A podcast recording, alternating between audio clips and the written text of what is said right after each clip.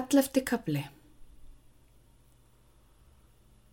Sumarið leið og veturinn gekk í garð. Gróa varð ævinsalli og veitulli við hjúin. En eftir því sem hún náði meiri hilli, eftir því gáfu menn minni gaum að brandi. Þegar hann ekki beitti harðræði, fór fólkið sér hægt og hægt að verða við tilmælum hans. En að því brandur gekk fast og stöðugt að öllum verknaði sjálfur, þá gengu öll útistörf sæmilega. Við hitt gatt hann ekki ráðið að innan hús störfin unnust tómlega.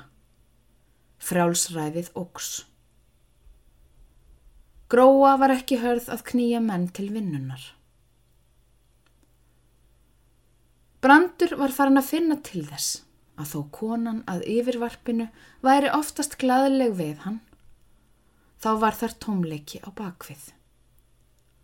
Skortur á alúð og innilegri blíðu. Bara þægilegt viðmót.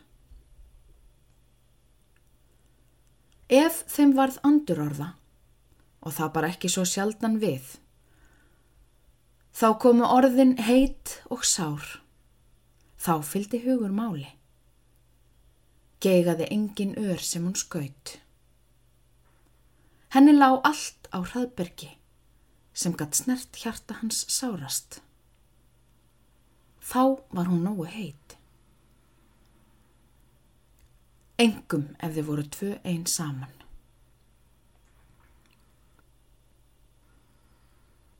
Það voru börnin sem glöttan þegar hann kom frá út í störfunum. Þau voru hraust og fjörug. En stundum nokkuð erslamikil við hann, þreyttan og sifjaðan. Tómleiki fór að leggjast í brjóst brandi, í hvert skipti sem hann hugsaði um hjónástina. Honum virtist sem ósynilegur máttur bæði sér frá yll og lífi, út á hjarn og frosnæðing frá sælunni til kulda og leiðenda. Slíkar hugsanir lágu í huga brandi. En svo óljósar að hann gati ekki rakið hugsanaferilinn, nýja verið viss um upphafleg rauk og rót að þeim. Hann varð fegin ef einhver gestur kom sem gerði breyting á heimilislífinu og ósýnilegu fargi er það lagði á hann.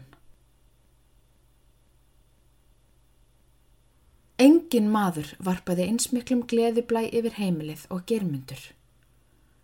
Sem ætið var fjörugur og kátur, hafði sífelt eitthvað til að gera gaman að. En það var undarlegt.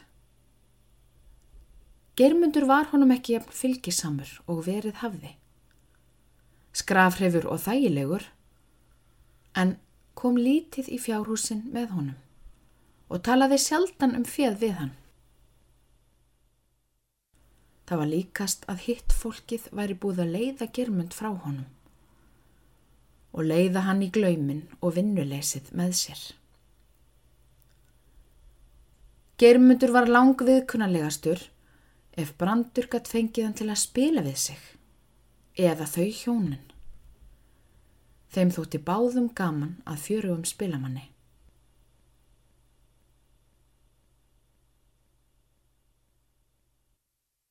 Sá fyrsti maður sem hafði grun um samdrátt þeirra germundar og gróu var Sigriður vinnukona. Hún varð glöggsýtni en aðrir, að því aðbríðin hvesti sjón hennar og vakti eftirtæktina. Þó germundur hefði ekki gefið henni neina átilli til vona, með öðru en sama glensi og gáska og hann síndi hinum stúlkonum, hafði Sigriður tekið falspenninga hans fyrir rauða gull.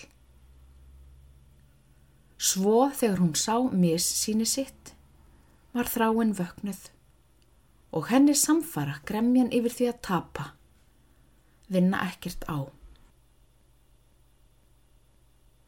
Hún satt um hann með augunum. Hverjum hinna stúlknana hann gefi hýrt auga. Fyrst áranguslöst. En svo datt henni eitt kvöld við spil í hug um gróu. Hún þóttist finna sporið og hún var sannarlega yfin og þrautgóð að rína eftir. Fór hægt og gætilega, lættist og lindist, hleraði og gæðist, hvenar sem hún sá sér færi. Þau grunuðu Siggu síður en aðra.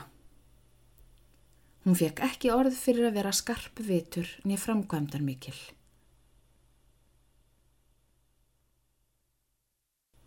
Um sumarið var hún full viss. Og snemma um höstið fór hún að segja vinkonum sínum frá óstandinu og svívirðingunni á fossi.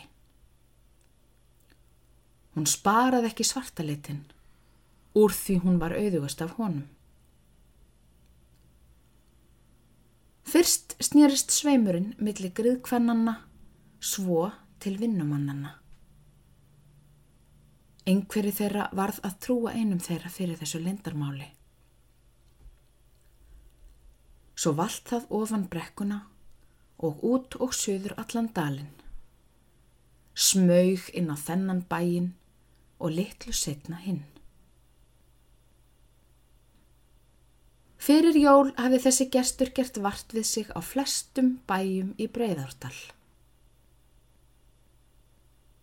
Gekk millir karla og kvenna, en var þó sérstaklega kvenn elskur og búrgangull.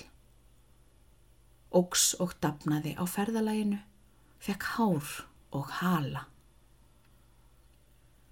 Hafði besta viðgang af því að ganga millir góðbúana og vera kjassaður af svo mörgum. Auðvitað vissubrandur eða gróa, nýja neðrafoss fólkið ekkert. Engan fýsti að fræða það á frettunum.